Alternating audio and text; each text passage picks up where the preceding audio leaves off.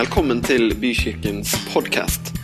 For mer informasjon om oss cvvvbykirken.no.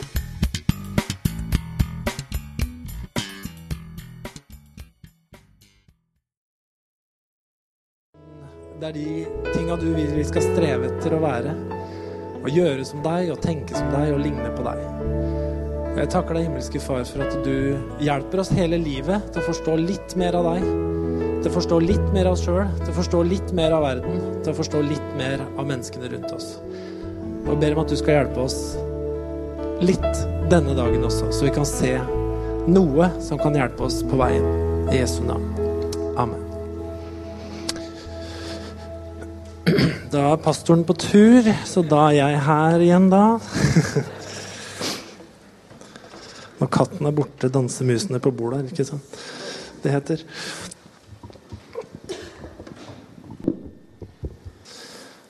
Da har jeg plugga til. Så fint. Det er eh, tittelen på det jeg skal snakke litt om i dag. Eh, du og fellesskapet.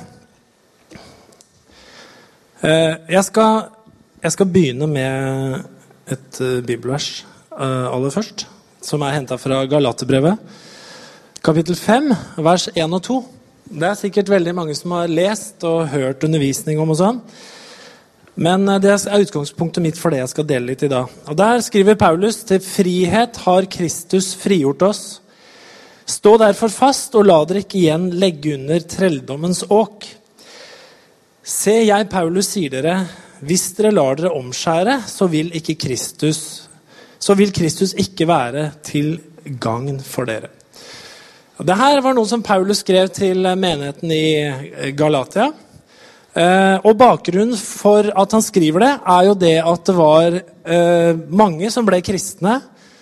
Først så var det jo mange jøder som ble kristne, og så spredde jo kristendommen seg veldig fort til alle de omkringliggende land. Og der var det jo helt andre kulturer, helt andre skikker, helt andre tradisjoner. Dette var hedninger som Jesus hadde sagt man skulle gå ut og forkynne til. Og når de får høre evangeliet, så tar de imot Jesus, de tar imot frelsen. Og det er kjempebra. Og så kommer det en del jøder som et haleheng på Paulus og de som reiste ut, og fortalte at ja, det er vel og bra at dere nå har kommet til tro, men for at dette skal bli ordentlig, for at det skal bli sånn som Gud virkelig vil det skal være, så må dere også, i tillegg til å tro og bekjenne, så må dere også la dere omskjære og gå inn i de jødiske tradisjonene og bli som oss. Da blir det helt bra. Men det å tro og bli, tro på Jesus det er en god start. ikke sant? Eh, og Paulus han, han var jo jøde, da. Paulus var jo omskjært ikke sant, på åttende dag. Alle jødiske tradisjoner var fullt det ene og det andre. Men han skjønte jo det at eh, dette er bare tull. Det holder å tro. Det holder å bekjenne. Dere trenger ikke, dere trenger ikke å ta de jødiske tinga i tillegg for at det her skal bli helt bra. Troen alene, det er nok. Det holder for deg. Og det er utgangspunktet, da for det jeg skal snakke litt om i dag. Så jeg var litt usikker på om jeg skulle snakke om det, så da spurte jeg Katrin. Uh, gikk gjennom litt med henne og spurte henne om hun tenkte det var greit. Og hun sa at det var greit, så da tar jeg sjansen, da. Sier du kanskje hvorfor spurte du ikke Gud? Jeg merker at noen ganger er lettere å få svar av kona. Sånn litt sånn, litt sånn fort, liksom. Det tar noen ganger så innmari lang tid å få ordentlig svar. Jeg har ikke tid til det alltid. Så jeg satser på at Katrin er enig med Gud, da. Og så skal vi kjøre videre her. Eh, så det er det bibelverset jeg kommer til å lese og kommer tilbake til. Kom, det kommer ikke til å være en bibeltime, sånn sett. Eh, men det her med fellesskap Det å være et fellesskap, det er, det er ikke så innmari lett alltid å være en del av et fellesskap. Det viser seg jo hele tida at det er vanskelig for oss mennesker å leve sammen. Eh, vi bryter opp.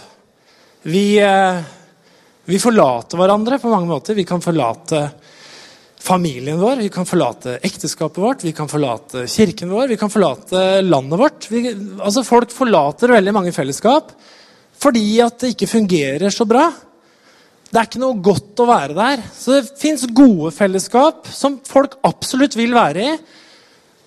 Og så fins det dårlige fellesskap som folk ikke har lyst til å være i, rett og slett. Eh, og Derfor så tenker jeg det at det, det her med fellesskap, det å være et fellesskap, det er noe Gud har en mening om.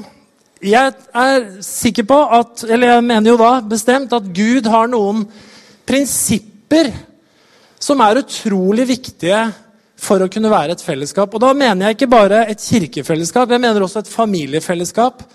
Jeg mener et nasjonsfellesskap, jeg mener et, eh, et hvilket som helst fellesskap. egentlig. Så er det noen prinsipper som Gud har gitt i skapelsen, som er utrolig viktige å skjønne. Så når jeg snakker om det her og skal ta litt sånne veldig store bilder og linjer her, så vil jeg at du skal tenke litt, også ha i bakhodet familiefellesskapet ditt, kirkefellesskapet ditt, kollegafellesskapet ditt. Kanskje du er sjef, kanskje du er leder. Kan du også tenke litt på det? Eh, og jeg, jeg, ser det sånn at I Bibelen så er det så utrolig mange prinsipper. da. Og når Jesus han kom, og underviste, så underviste jo ikke Jesus regler. Han underviste prinsipper. ikke sant? Altså Alle lignelsene Jesus gir, er jo ikke regler, det er jo prinsipper. Som igjen kan lede oss til å gjøre ting på en viss måte. Ok. Eh, jeg har, selv så har jeg følt, og jeg har hørt andre si Jeg føler meg ikke hjemme der og der. Jeg føler meg annerledes. Jeg passer ikke inn. Har du noen gang følt det? Et eller annet sted. Altså, det må jo alle ha følt. Eh, og sånn er det. Og så vil jeg at du skal tenke litt på naturen. Hvis du leser Bibelen, så finner du en del, faktisk ganske mange oppfordringer til å se på naturen for å skjønne Gud, for å skjønne skapelsen og hvordan Gud har gjort ting. Eh, det finnes jo grupper av alt i naturen. ikke sant? Det fins fisker, det fins trær, det fins mennesker, det fins blomster, det fins insekter. Det fins mange forskjellige grupper. Men allikevel, i alle disse gruppene, så er hvert enkelt individ eller hver enkelt gjenstand, hvert objekt, er unikt forskjellig. Da. Og Det er så fantastisk, og det sier så mye om Gud. Og hvordan Gud har tenkt om skapelsen. Det fins ikke, ikke et snøfnugg som er likt. Det lærte jeg på barneskolen. Det er sikkert fortsatt sant. Og det er, det er jo helt utrolig å tenke på. Det finnes, ikke, det finnes mange eiketrær, men det finnes ikke ett eiketre som er helt likt et annet.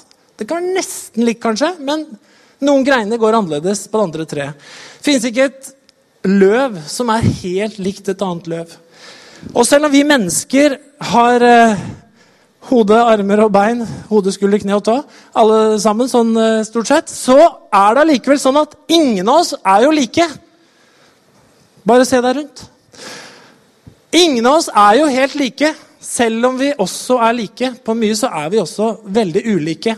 Og så tenker vi kanskje noen ganger at det, ja, det gjelder jo det, liksom det ytre. Men det er like sant med det indre livet vårt. ikke sant? Altså, Vi er ulike på innsida.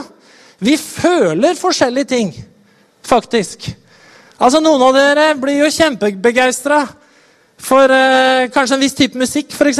Og kjente bare å, det er så deilig å høre på akkurat det. Mens andre vil si å, det er støy, det er støy, jeg orker ikke å høre på det. Vi føler forskjellig. Vi, vi oppfatter ting forskjellig når vi hører noe. Vi er veldig forskjellige også på innsida. Og det er jo sånn Gud har skapt oss. Han skapte ikke Adam og Adam, han skapte Adam og Eva. De var forskjellige.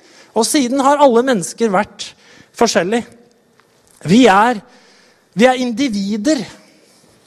Vekkelsesaktig her nå. Snu deg til naboen din og si 'Jeg er et individ'.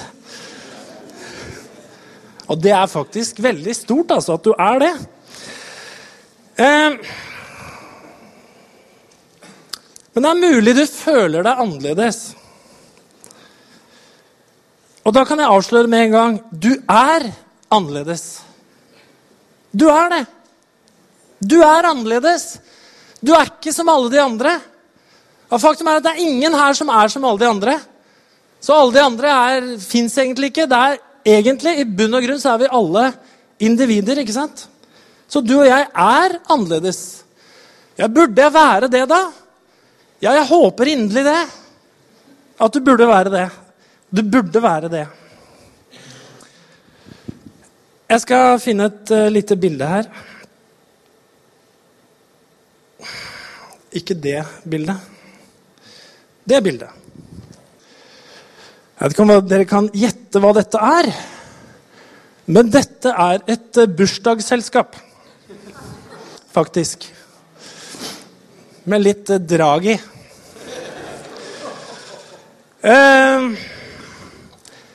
dette er, dette er bursdagen til eh, Kim Jong-un i Nord-Korea. Eh, så det her er et bilde som er tatt i et diktatur. Eller en stamme, kan vi også kalle det. Hvor det er én sterk leder på toppen, altså en diktator. Og denne diktatoren han har en, han har en visjon for sitt folk. Han har en visjon for nasjonen. Eh, det er sånn at Denne diktatoren, denne lederen, han, han tenker at det han tenker for alle, det er det beste for alle. Han ene tenker det. Kanskje han innerst inne ikke tenker det, men han tør ikke å si at han tenker noe annet. i hvert fall. Og det her er faktisk bursdagen hans. Og da har de laga en sånn uh, lysparade da, for å, for å vise hvor mye de elsker han. Og han blei sikkert veldig glad. Og diktatoren han, han sier seg gjerne å representere folkets vilje, folkets beste, folkets stemme. Men folk har ikke mulighet til å si noe om en annet enn lov og pris. Det som er interessant med et diktatur, da, det ene er jo det at eh, man vil at alle skal gjøre visse ting på en viss måte. Man, man går ikke og starter et firma i Nord-Korea. Liksom. Staten kontrollerer alt. Alt er overstyrt. Det er ikke noe fritt marked der. Det er nå én ting hva du gjør, men noe annet er at du blir også fortalt hva du skal føle om ting.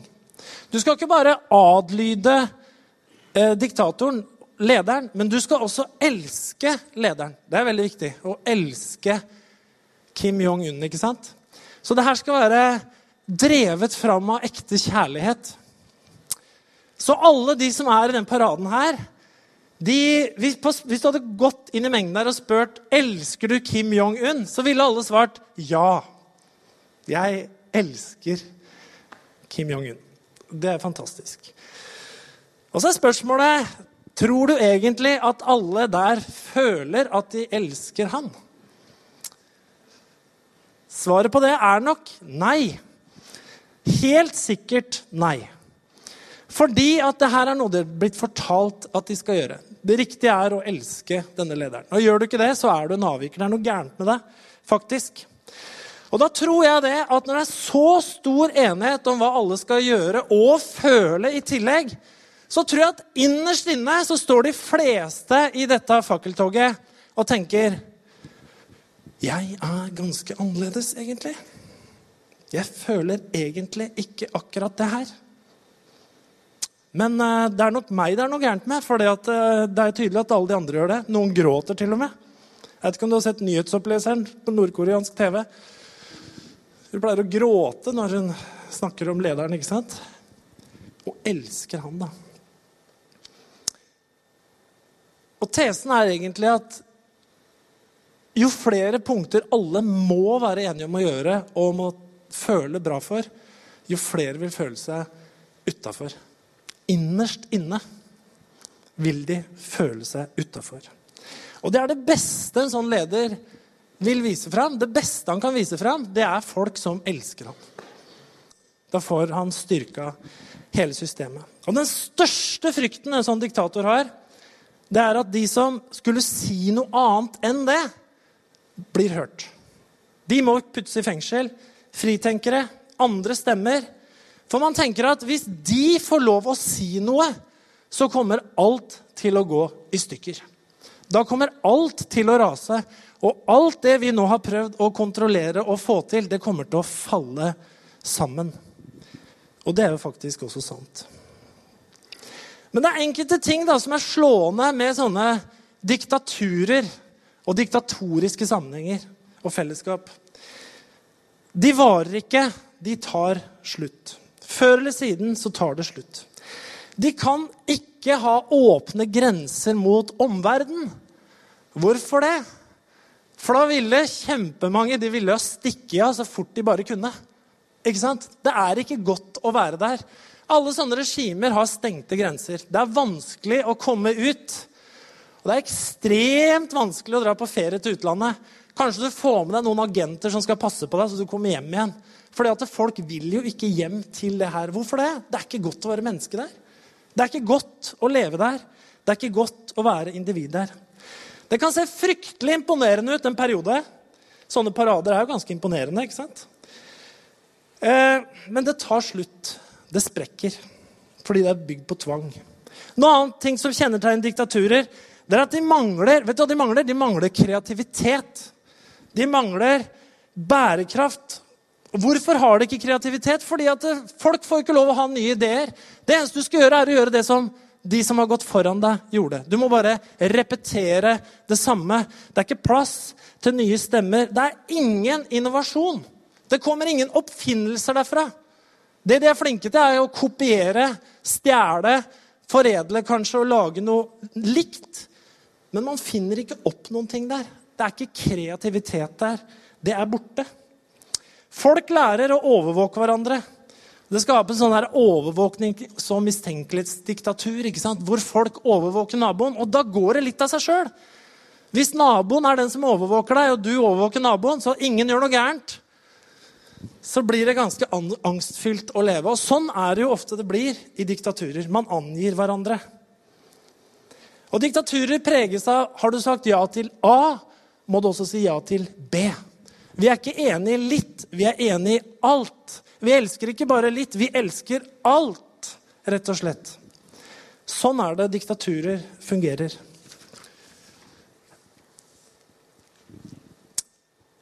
Og jeg tenker at i et sånt sted så er det ingen, kanskje veldig få, som innerst inne føler at det egentlig hører hjemme. Jeg tror man kanskje føler at de er veldig annerledes enn alle de andre. Så er det et annet Så fins det andre steder i verden som ser litt annerledes ut.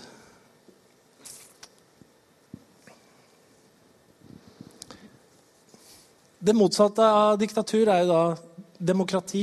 Altså, det er jo sånn politikktime, det her. Nei, det er Det kommer inn eh, Det har noe med noen guddommelige prinsipper å gjøre for livet vårt. Det bildet her skal liksom da illustrere individualisme. da. At det er en som Ja, han kan godt snu seg andre veien. da. Ha litt farge og kan se en annen vei. Så jeg har lyst til å slå et slag for individualisme.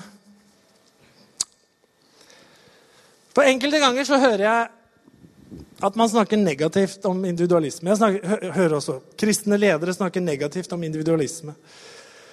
Som, som, om det er noe som skulle ødelegge fellesskapet. Men tenk litt. Det er, det er forskjell på individualisme og egoisme. Å være et individ betyr å være en enhet, at man er udelelig. Kommer av et eller annet gresk ord. Eh, at man er hel, at man er udelt. Man kan ikke deles. Hvis du deler deg i to, så er du ikke mer. ikke sant? Sånn rent fysisk. Det skjønner vi. Da slutter du å eksistere. Du er udelelig, da. Egoisme det handler om at jeg setter meg sjøl først. Det handler om at jeg, eh, jeg tenker først meg sjøl. Jeg er opptatt av meg selv. Jeg søker mine egne fordeler. Det å være individualist eh, betyr jo ikke at du er egoist. Kan du være enig i det? Det? Det, er en stor forskjell på det. Så individualisme og egoisme det er ikke det samme. Det. Men individualisme det handler om at du som enkeltmenneske du har suveren bestemmelsesrett over ditt eget liv. Det betyr som sagt ikke at du nødvendigvis er egoist. Og jeg tenker at Man kan godt ønske da, å ha et, en blomstrende familie, en blomstrende kirke, et blomstrende arbeidsfellesskap, et blomstrende samfunn. Det kan man ønske, og så tenker man samtidig at folk ikke skal få lov å være individualister. Og Da tenker jeg at da kommer du til å mislykkes. Fordi det er individualisme som gir frihet til å skape, til å være det Gud har skapt deg til å være. Og sånn sett så er det veldig stor forskjell på Nord-Korea og visse andre land. Og så tenker vi at det bare har med politikk å gjøre. Men politikk har med hva slags syn man har på mennesket, som har hva slags syn man har hatt på Guds skapelse å gjøre. For det er faktisk sånn at det er ikke noen tilfeldighet at demokrati oppsto i den kristne verden. Det var liksom her det kunne oppstå. Fordi at vi har et syn på hvordan Gud har skapt mennesket, hvordan Gud har tenkt om mennesket, og at Gud har skapt oss alle forskjellige, unike, med forskjellige gaver og talenter og følelser som gjør at eh, Gud er opptatt av oss som enkeltpersoner før han er opptatt av det store fellesskapet. Mens du ennå var i mors liv, kalte jeg deg. Ikke sant? Jeg visste hvem du var. Jeg har kalt deg med navn. Gud er veldig personlig med oss. Gud frelser ikke liksom en flokk av gangen. Han frelser deg. Han døde for deg, han døde for meg. Ikke sant? Det er mine synder han døde for. Det er meg han var opptatt av. Det er deg han var opptatt av. Gud er opptatt av oss som individer, og det menneskesynet har vi fordi vi er kristne. Så det er ikke noe sånn tilfeldighet da, at eh, demokrati oppsto her, den kristne delen av verden. Den moderne nasjonen som har vært mest innovativ, eh, som, hvor det har vært mest kreativitet, der det har vært flest nobelprisvinnere i ulike typer forskning osv., der det har vært størst verdiskapning, den største økonomien, det er USA. Det er ikke til å sammenligne engang. Den nasjonen skiller seg ganske mye ut på det her. Og så tenker du, Det, det er jo tilfeldig for amerikanere og amerikanere. Og liksom. Nei, men det er ikke så enkelt. Hvorfor er de det? Hvorfor ble det sånn? Og det, det, har noe med hvordan man har bygd opp noen ting. Det har noe med hvordan man har tenkt om mennesket ut fra et gudsperspektiv. Når USA ble, fikk sin uavhengighetserklæring, og ble, liksom, grunnlaget ble lagt der og Thomas Jefferson 1776, 4. juli, så var uavhengighetserklæringen klar. Og så skriver de i uavhengighetserklæringen, og den er fantastisk fin, faktisk. Disse var kristne. In God we trust. Det var liksom det store overskriften når de grunnla den nasjonen. Og så skriver de det her om mennesket. We hold these truths to be self-evident, that all men are created weak equal, that they are endowed by their Creator with a certain inalienable rights, that among these are life, liberty, and the pursuit of happiness. That to secure these rights, governments are instituted among men, deriving their just powers from the consent of the governed. Og dere er flinke i engelsk, jeg bør ikke oversette det. Men det her, vet du Det er å snu alt på hodet i forhold til et diktatur. Og selve menneskesynet og synet på hvordan man skulle styre et land, tar utgangspunkt i at Gud har skapt hvert enkelt menneske med noen ufravikelige rettigheter. Og disse rettighetene handler om liv, frihet og det å kunne etterjage eller etterstrebe lykke eller glede. Alle er skapt likt på et individuelt plan. Og myndighetene de er til for at hver og enkelt skal kunne leve i forhold til de her rettighetene. Og myndighetene får sin autoritet fra folkeviljen. Derfor er det frie valg, det er ytringsfrihet, det er pressefrihet. Man kan få lov å si hva man vil. Og Det som er annerledes her i forhold til diktatur, er at du og jeg, individet, blir satt i sentrum. Ikke staten, ikke diktatoren, ikke en øvrighet. Landets ledelse skal tjene folket, ikke motsatt. Dine egne ambisjoner, dine drømmer, din egen trang til å etterstrebe og oppnå noe som du opplever som meningsfylt for deg, det skal finne mulighet. Vi skal ikke stå i veien for det.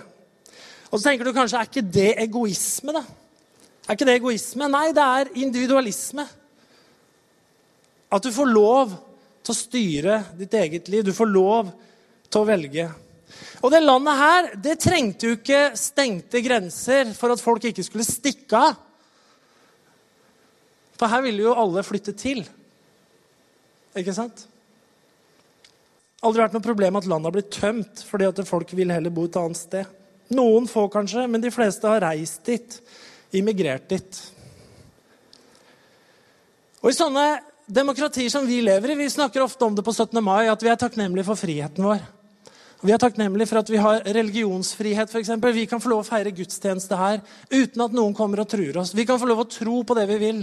Vi kan få lov å tro på vår Gud uten at det er noe trusler rundt det. Så Her er det lov å være individ. Det er heller ikke noe krav om hva du skal føle om det ene eller det andre.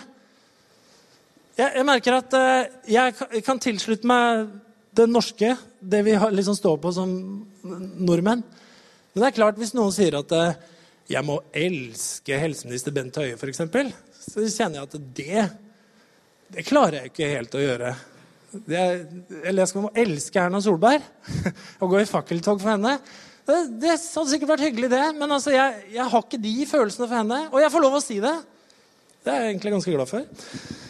At jeg slipper å si jeg elsker Erna Solberg. Jeg syns hun gjør mye bra, for all del. Men uh, jeg må liksom ikke gjøre det. Og i en fri verden og fri, et fritt fellesskap så er det sånn at uh, du kan godt være enig med A uten at nødvendigvis også være enig i B. Ikke sant? Men i et usunt fellesskap, der må du være enig i A, B, C, D. Du må være enig i alt. Og da blir det et sånn type diktatur. Og jeg har en påstand da, som jeg skal prøve å belegge. At dersom det er litt få ting vi trenger å være enige om og føle det samme om, sånn cirka, så vil det være lett for meg og deg å være en del av det fellesskapet. Hvis det er et fellesskap hvor du må være enig ikke bare for å ta utgangspunkt i bibelverset vårt, i frelsen og troen, men du være enig i en hel andre masse ting også, eh, med en masse andre ting også, så vil det være vanskelig å finne plass. Skjønner du hva jeg snakker om? Da vil kanskje alle på en eller annen måte føle seg utafor, kanskje uten at de snakker om det. Altså Hvis du tenker på oss mennesker og hvordan Gud har skapt oss, så er vi jo ganske fantastiske. Rett og slett. Vi er helt utrolige hvordan vi er skapt. Vi vi, eh, vi, vi, trenger egentlig ingen andre for å overleve rent sånn eksistensielt. Jeg mener, jeg kan skaffe, Vi kan alle skaffe vår egen mat. ikke sant? Vi kan bygge oss et sted å bo. Vi kan overleve. Vi kan liksom ta Lars Monsen. da. Ut i villmarka. Vi hadde klart oss aleine. Vi hadde på en måte overlevd. ikke sant? Vi, Til og med kroppen vår, den, innenfor visse grenser, så helbreder den seg sjøl. Hvis, hvis du brekker noe, så gror det jo. Det er jo helt fantastisk. Det er ingen som må gjøre noe for at det skal gro. Det gror av seg selv. Gud har jo skapt oss helt utrolig. Følelsene våre til og med. altså Tiden leger alle sår. Vi kan få vondt. Men over tid så er det jo sånn at følelsene våre endrer seg. Det går ofte bedre med følelsene våre etter hvert som tida går. Så også de helbreder seg sjøl. Så vi er jo fantastisk skapt. Så vi kan gjøre veldig mye aleine, som jeg sier, tar Lars Monsen. Men allikevel så er det én ting vi ikke kan gjøre aleine. Og det er å bære frukt. Det er å bli fler.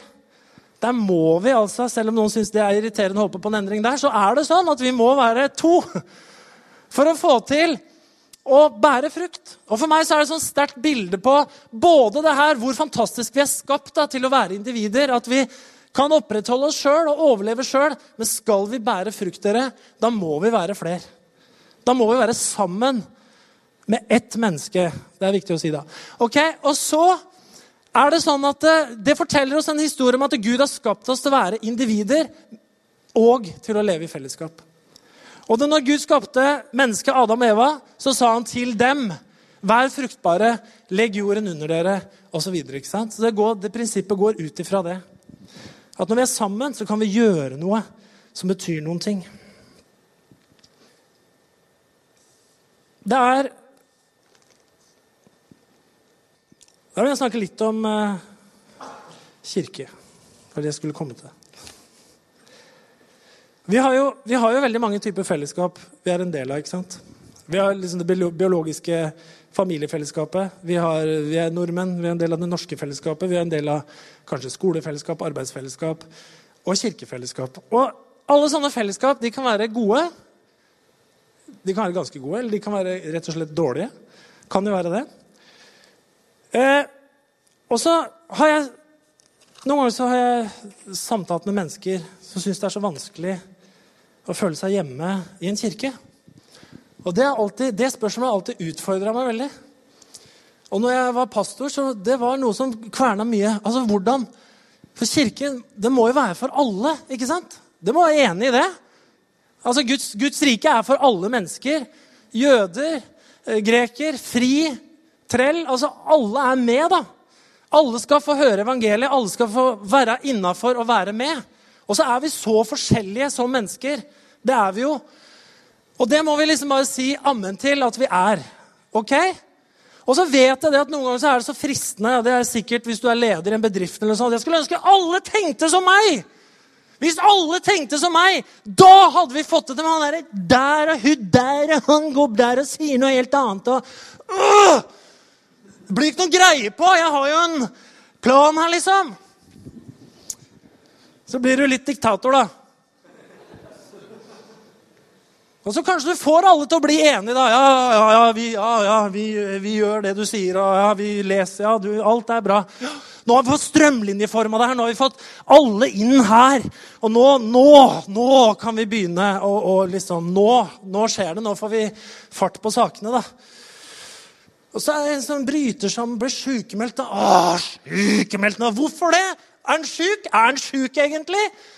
Ja, så jeg har hos legen. Og ja, hva er det for han brekt bein, eller hva har det skjedd noe? liksom? Det ser ut som han kan gå på butikken og handle sjøl, liksom. Ja, kanskje, litt, eh, kanskje har noe med psyken å gjøre. Psyken, ja, ikke sant? Åh, unnskyldninger. Akkurat nå som jeg hadde Nå skulle jo han gjøre det her. Jeg hadde en plan. Det er vanskelig. Vanskelig å få kreativiteten til å blomstre. og må vi være kreative, dere! Ja, ja Hva skal vi finne på? Jeg er ansatt deg for å være kreativ, faktisk. Det er lett å være kreativ, altså.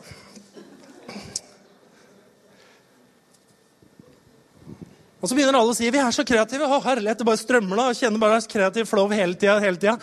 Alle sier det, og så går du der og tenker at alle kjenner alle. Jeg kjenner jo ikke det. Jeg, jeg passer jo ikke inn her i det hele tatt. Jeg er litt annerledes. Så går alle og tenker det. Så er det litt i Nord-Korea.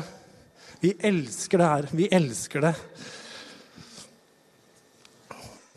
da blir det veldig dårlig etter hvert. Så slutter alle, da. Plutselig så er det ikke der lenger. Så lurer du på hva er det som skjedde nå. Ja, det kan du lure på. Og da er det noe med det her at Gud har skapt individer, da. Rett og slett. At det må respekteres. På så mange, mange plan. Så det har utfordra meg. Hva, hva er det som gjør at du ikke føler deg hjemme? Jeg tenker det er kanskje tre ting, da. Vi må gjøre det litt enkelt. Vi kan ikke holde på til natta, liksom. Eh, kanskje ikke du tror på det som Kirken tror på, bare for å ta kirke. Kanskje du ikke er kristen. Den ser jeg. Det er et problem. Det kan du endre på, da. Eller det kan være noe, kan være noe gærent med kirken, altså. Ja, Fins det, da? Ja, det fins vært mange gærne kirker opp igjennom. Mange av de som rømte til USA, de, de rømte jo fra diktaturkirker. ikke sant? Fikk ikke lov til å lese Bibelen. Hans Nilsen Hauge ble jo kasta i fengsel fordi han leste, han leste, Bibelen høyt uten en prest til stede. Ikke sant? Han satt jo der og, og råtna i cella i Oslo. Fordi han var en dissenter, han hadde lest Bibelen, og det skulle man ikke gjøre. Det er klart Mange de rømte til USA. Halve den irske, irske befolkningen rømte jo til USA pga. fattigdom, men også på grunn av, til dels pga. kirken. Så det kan jo være gærent. Det kan fungere som Nord-Korea. ikke sant? Det er en andre ting. Det tredje er at du tenker feil om deg sjøl. Du, du tør ikke å være den du er. Du er ikke ærlig. Jo, jeg er, jeg er ærlig. Nei, veldig mange er ikke ærlige. De sier ikke hva de mener. De uttrykker ikke hva de tenker, og de tenker at de må tenke det de tror andre tenker. Skjønner du hva jeg snakker om? Og så er du ikke deg sjøl. Du mister deg sjøl. Når, når andre sier at de elsker et eller annet, så føler du at du må si akkurat det samme. Spesielt hvis det er de riktige tinga. da. For eksempel, for eksempel hvis noen kommer til deg og sier 'Jeg elsker bønn'. Ja, men Jeg kjenner jo mennesker som gjør De elsker bønn. De, de lever for det og gjør det utrolig mye. Og hvis de spør deg 'Det gjør vel du også?' Så hva svarer du da? Jeg er helt sikker på at det er ganske mange i det rommet her som ikke elsker bønn. Ja, Da må du si det, da.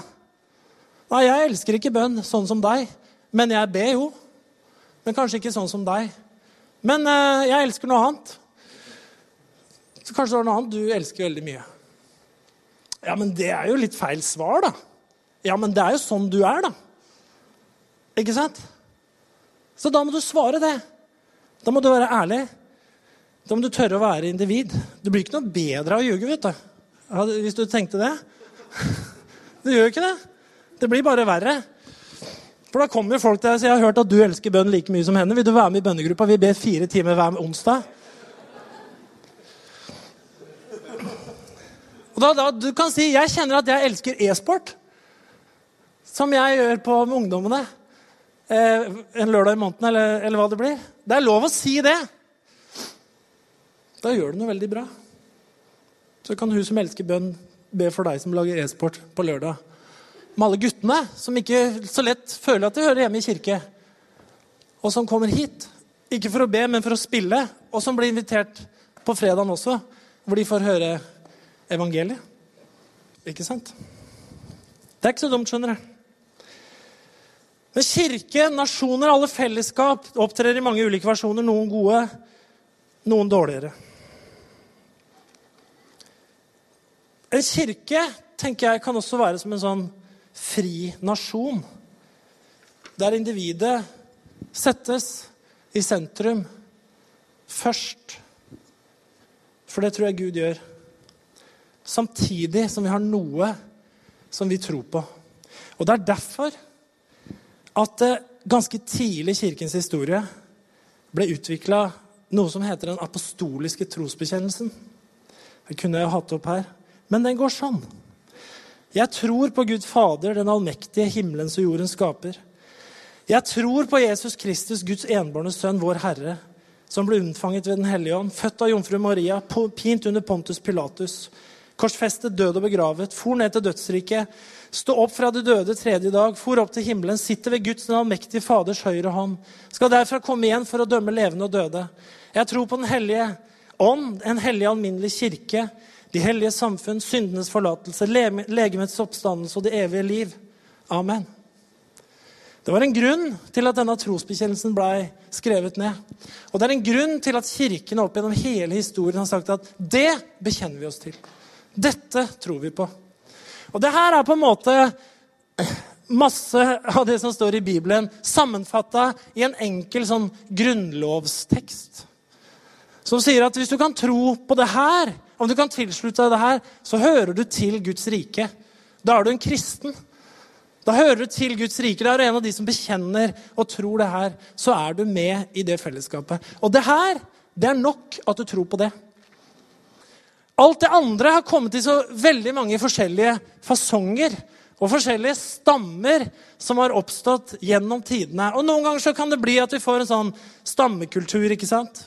Hvor vi, hvor vi hører til en bestemt stamme. Sånn som Nord-Korea er en veldig stor stamme, men det kan være mye mindre stammer òg.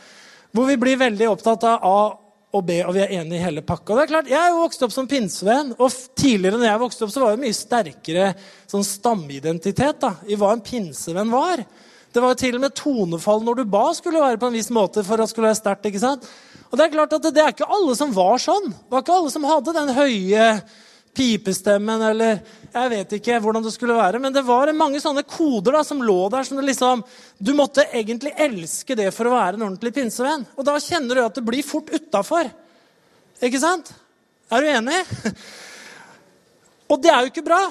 Derfor er det viktig at vi har noen enkle, fundamentale ting som vi tror på. Og det står her. Ikke sant? Når vi gjør det, så er det sånn at en ganske lav forpliktelse på veldig mye annet. Og da er du velkommen, da. Sånn som du er. Uansett, som det står. Ikke sant? Ikke står ikke i Bibelen, det står i liksom, visjonsteksten her i Bykirken. Velkommen uansett. Og det kan være så fint å si. Det kan være så lett å si. Men det er faktisk veldig viktig at du også sier til deg sjøl jeg er velkommen uansett. Uansett om jeg er annerledes, uansett om jeg føler annerledes. Vet du hva? Det er helt greit. Du er annerledes. På godt og vondt, skal sies. Ikke sant? Vi har alle forbedringspotensialet. Så la dere ikke igjen legge under trelldommens åk, sier Paulus. Nå er det ikke så aktuelt nå med jøder som kommer inn i forsamlingen og sier omskjære dere. ikke sant? Det er liksom gone. Men det kan være helt andre ting som kommer inn.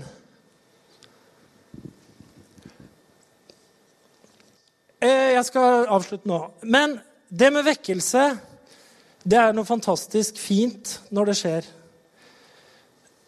Men greia er den at eh, Sett opp sånn fint bilde her. Noen ganger så går det veldig bra med vekkelser. Og noen ganger så går det veldig dårlig. Eh, du kan lese om en by eh, i USA som het, heter fortsatt Salem. Det ble grunnlagt for lenge siden, jeg tror det var 1700-tallet. Og visjonen for den byen det var at det skulle være en by som ble 100% styrt etter Bibelen. Og det gikk så gærent som det kunne gå. Det ble massehenrettelser over flere år.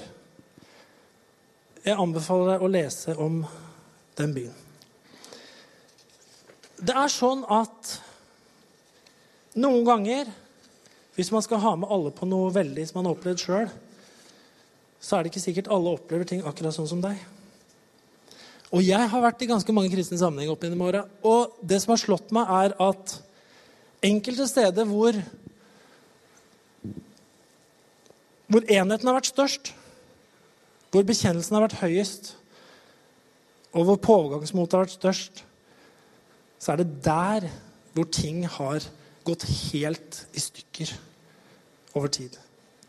Det er der det er flest som har falt fra troen. Det er der det er flest som har forlatt skipet og mista ikke bare et meningsfellesskap, men de har mista troen sin og alt som er.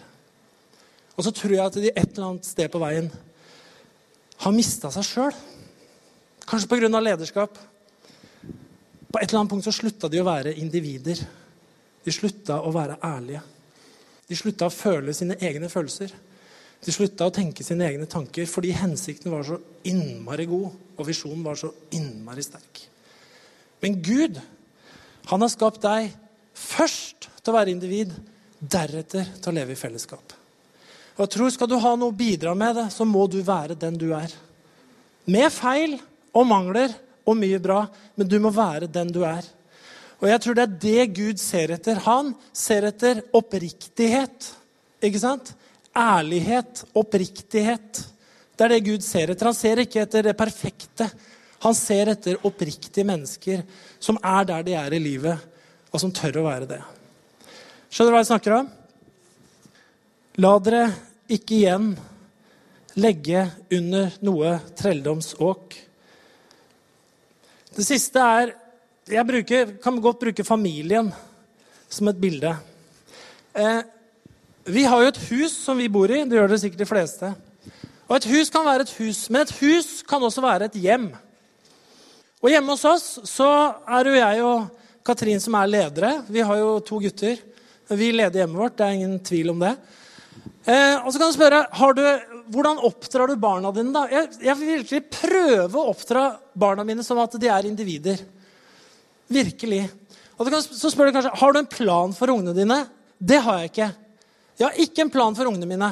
Jeg har noe som jeg er veldig glad i, som jeg, som jeg, prøver å overføre på dem. For jeg tenker at Hvis jeg er glad i det, og jeg synes det er gøy, så er det gøy bra for dem også. Så jeg prøver å overføre, eh, prøver å overføre kirke. Prøver å overføre hockey. Prøver å overføre å være en god venn. Jeg prøver å overføre, prøver å overføre skole. Jeg prøver å overføre en del dyder som Peter skriver om, som jeg tenker er veldig viktig. Og så ser det ut som de har tatt ganske mye av det. Det er jeg veldig glad for. Eh, men de måtte jo ikke ha gjort det. Jeg husker jo når Philip vurderte å begynne på fotball. Jeg kjente smerten eh, på innsida. Jeg tenkte Nei, du skjønner jo ingenting, tenkte jeg. Jeg, men jeg kunne ikke si det. For da hadde Katrin sagt du må gi en valgfrihet, du må gi en reell valgfrihet. Jeg, kjenner jeg kan bli litt sånn smådiktator innimellom. ikke sant? Og da husker jeg så godt den samtalen i bilen. Det er banalt, men det er prinsipp, det her. ikke sant? Ja, Philip har kommet frem. Du må velge du må velge én sport, og du må velge mellom hockey og fotball. Og du kan selv skjære hjertet. Fritt velge hva du vil gjøre. Helt sant. Er det sant? Kan jeg det? Ja, det er helt sant. Du kan velge det du vil. Tenkepause. Og så kom de forløsende orda. Jeg velger hockey. Yes! Men det var frivillig! Så han er ikke en hockeyslave. Han er en fri spiller. Og det er jeg veldig glad for. Så jeg har, ikke noe, jeg har ikke noe, plan for ungene mine. Vi skal tilrettelegge så godt vi kan. Vi skal gi dem så mange muligheter som mulig. Vi skal legge landskapet så åpent vi kan. Men de må velge sitt eget liv. Kanskje vi noen ganger som foreldre kan, kan, gjennom å være diktatorer kan redde en dårlig situasjon en gang. Men vi kan samtidig ødelegge et selvbilde og sette et liv på helt feil spor. Ikke sant? Så det gjelder for alle. Gud har skapt oss som individer, og det er bra. Og vi er annerledes. Derfor må vi ha noe kjernegreier som vi er tilslutta, som vi tror på, som er felles for oss. Det har vi. Ellers er det faktisk plass til deg og meg. altså. Og Det er ingen som trenger å mene så mye om hva du skal føle heller. Det er ikke sikkert du elsker lovsang, f.eks. Nei, men det er fantastisk med det kan være helt fantastisk med lovsang, men jeg vet for noen så er det selve livet. Altså Det er lovsang på i bilen, hjemme, eh, når de er ute og går, i kirken, overalt. Det er liksom, det er livsnerve, er lovsang. Mens for andre så er det litt sånn Altså Det er greit, det. Selv om selvfølgelig alle pastorer elsker at alle Du bør ikke være negativ fordi du ikke liker det så godt som noen andre gjør. Men du må ikke føle det samme som alle andre føler. Du gjør jo ikke det. Jeg veit det. Amen. Ja, jeg stopper der og sier tusen takk for meg.